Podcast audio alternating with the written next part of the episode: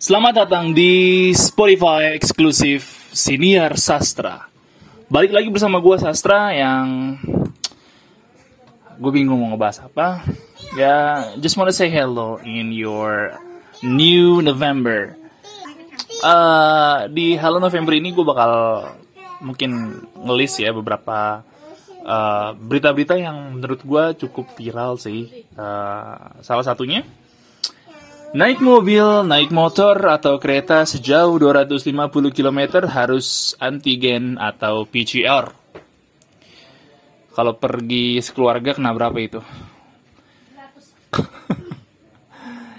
Di Twitter sempat trending ya, uh, judulnya Stop Mafia PCR gitu kan. Memangnya apakah rakyat masih kurang menderita? Sepertinya kurang ya.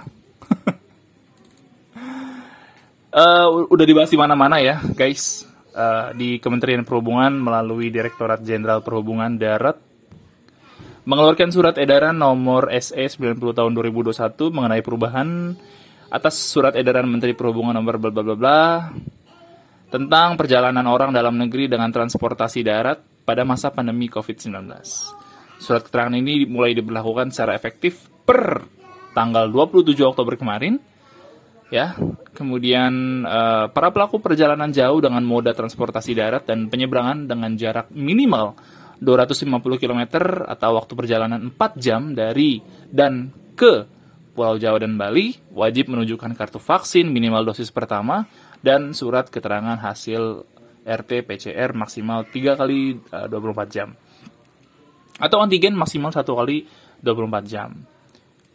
Ketentuan syarat perjalanan berlaku bagi pengguna kendaraan bermotor, perseorangan, atau um, uh, umum, ya, ataupun angkutan. Jadi semuanya benar-benar dicek. Nah ini menuai pro dan kontra nih cuy, ya. Wajib tes PCR sebelum terbang atau sebelum berangkat ya.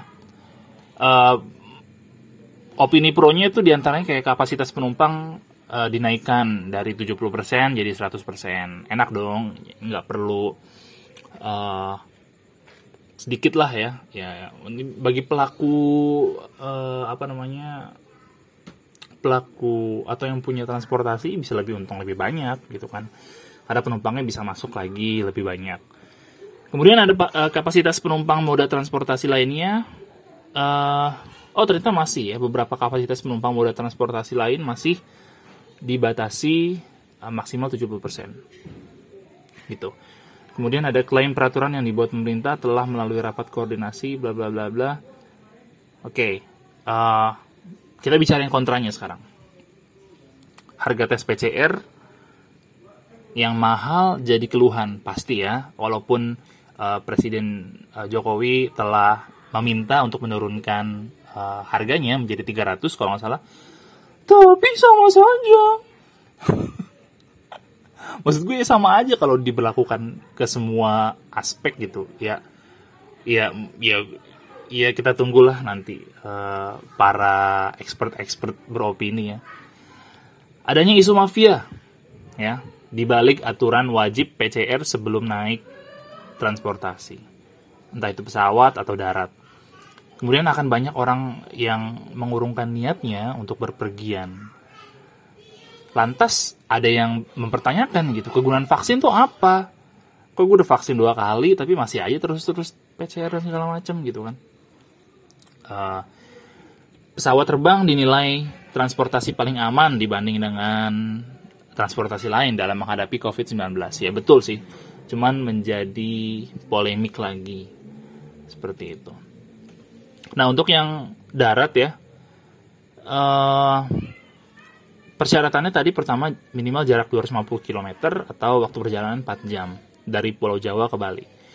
Wajib menunjukkan kartu vaksin minimal dosis pertama, keterangan hasil tadi udah nih. Oke, okay. oke. Okay. Uh, gue nemu di Twitter ada yang sedikit tendensius ya postingannya. Berapa cuan dari bisnis PCR sih? Ini karena lagi viral jadi gue sedikit omongin ya. Uh, gue bacain aja ya. Harga pokok penjualannya polymers uh, 5 mm 5 mili itu harga 25.198 yang primer 1 mili 1300 sampel 1 mili 132.600 free water apa nih? Air nase 13 mili 14.000 harganya. Totalnya kalau nggak salah 173an lah.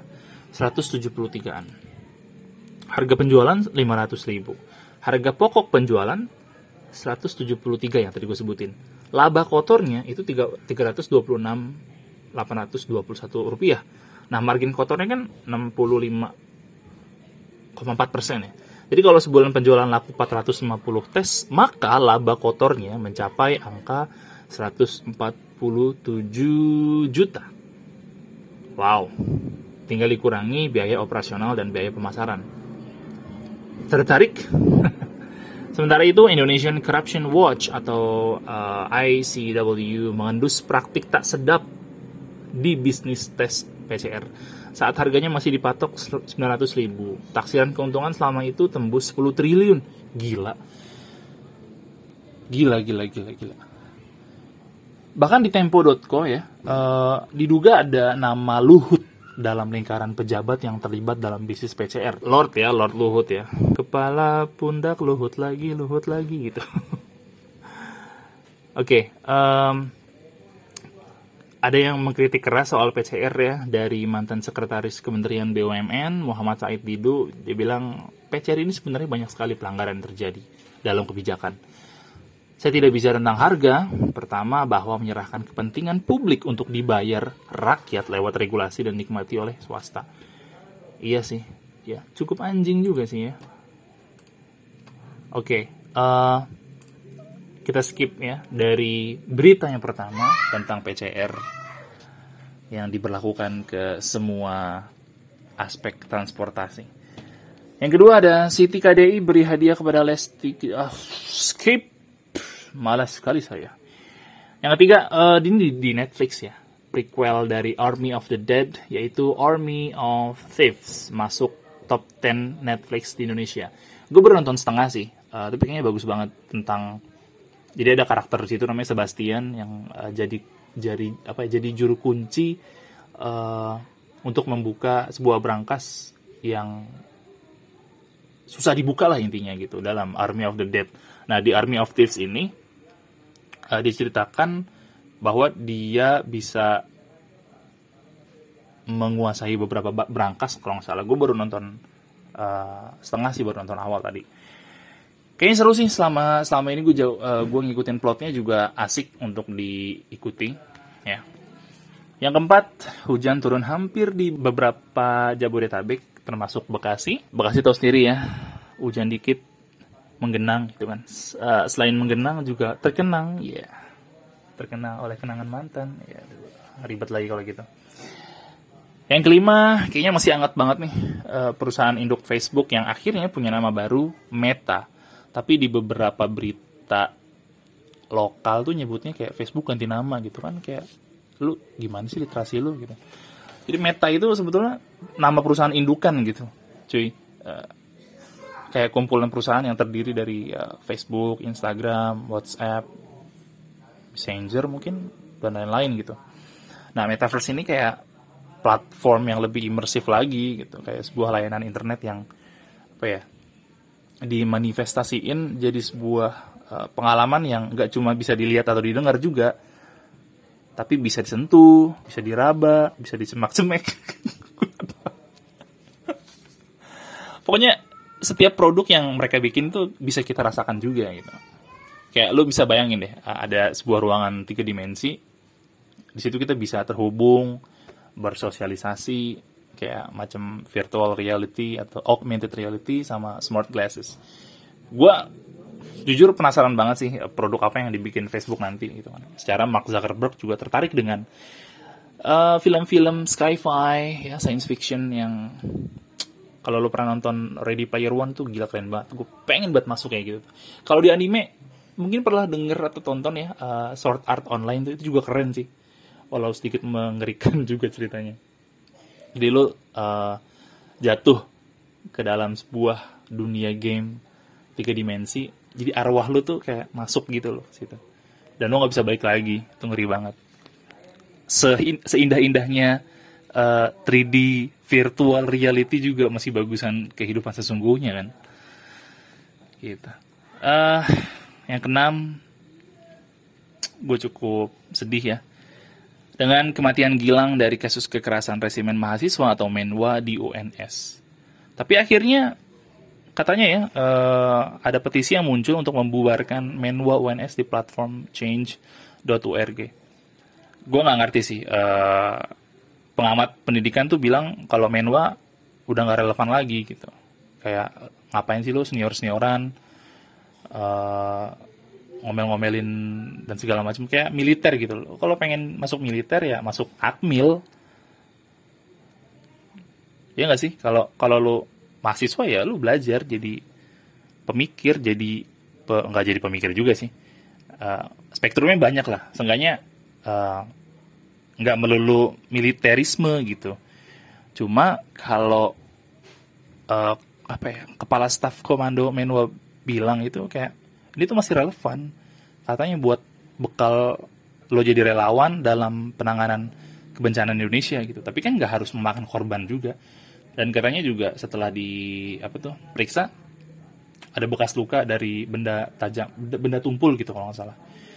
Maksud gue ya gue setuju kalau memang relevannya untuk hal-hal yang uh, apa ya meningkatkan gitu mengupgrade para mahasiswa untuk siap menangani kebencanaan Indonesia. Tapi gue rasa kayaknya ada yang salah deh sistemnya kalau misalnya lo ngerti lah Menwa kayak gimana. Lo kalau lihat atau baca tweet di Twitter atau uh, baca tentang pengalaman-pengalaman orang yang ikut uh, Menwa tidak apa ya tidak mudah untuk dicerna gitu maksud gue ya lo kok para senior bisa tenang bisa bisa tidur dengan nyenyak setelah lo maki-maki anak orang, setelah lo menyiksa anak orang gitu. Dan ini juga berlaku pada mungkin sistem MOS ya, masa orientasi siswa yang yang menurut gue tuh kenapa kita dipelonco kayak gitu gitu Kayak permen, lo bikin barisan nih. Terus anak pertama ngemut permen, dikasih ke teman sebelahnya, di sebelahnya lo lo suruh emut lagi diemut lagi kanannya terus sampai habis. Maksudnya apa faedahnya? Itu kan jorok banget. Sih. Lepeh-lepehan permen kayak gitu. Uh, ya semoga bisa dibatalkan ya menua ya. Atau mungkin dikaji lagi di uh, monitor lagi biar menua nggak cuma sekedar ajang senioritas gitu. Yang ketujuh yang uh, terakhir Triple N Challenge. Triple N Challenge. No Nut November. Tahu gak sih ini lagi lagi viral sih. Uh, no Nut November. Kayak tantangan buat para cowok buat berhenti masturbasi, buat berhenti onani atau bahkan orgasme sama pasangan lo sendiri sepanjang bulan uh, November. Ini agak agak menantang, bukan agak menantang, sangat menantang sekali. Terlebih saya cowok wajar lah ya. Ya intinya lo nggak boleh coli lah selama bulan November. Nggak tahu ini siapa yang bikin. Ada dai sih. Ya uh, katanya sih uh, ada manfaatnya lah gitu kan. Bernafas jauh lebih baik katanya. Waduh. Suasana hati menjadi lebih halus. Kondisi mental membaik menjadi artikulatif, memori otak menjadi lebih baik, uh, melawan rasa stres. Bukannya lo orgasme dengan pasangan lo juga melawan rasa stres ya. Ini artikelnya nggak bisa dipercaya nih. Tingkat energi, energi meningkat, mengurangi depresi ya gitu-gitulah yang mengatasnamakan uh, medis ya, atas nama medis. Tidak ada rasa kecemasan sosial, lebih fokus, terlihat lebih bahagia, I don't think this is uh, accurate enough, you know. Ya, aneh aja. Tapi ya seporsinya aja lah, nggak usah berlebihan juga. Kayaknya ini buat yang berlebihan oke okay sih.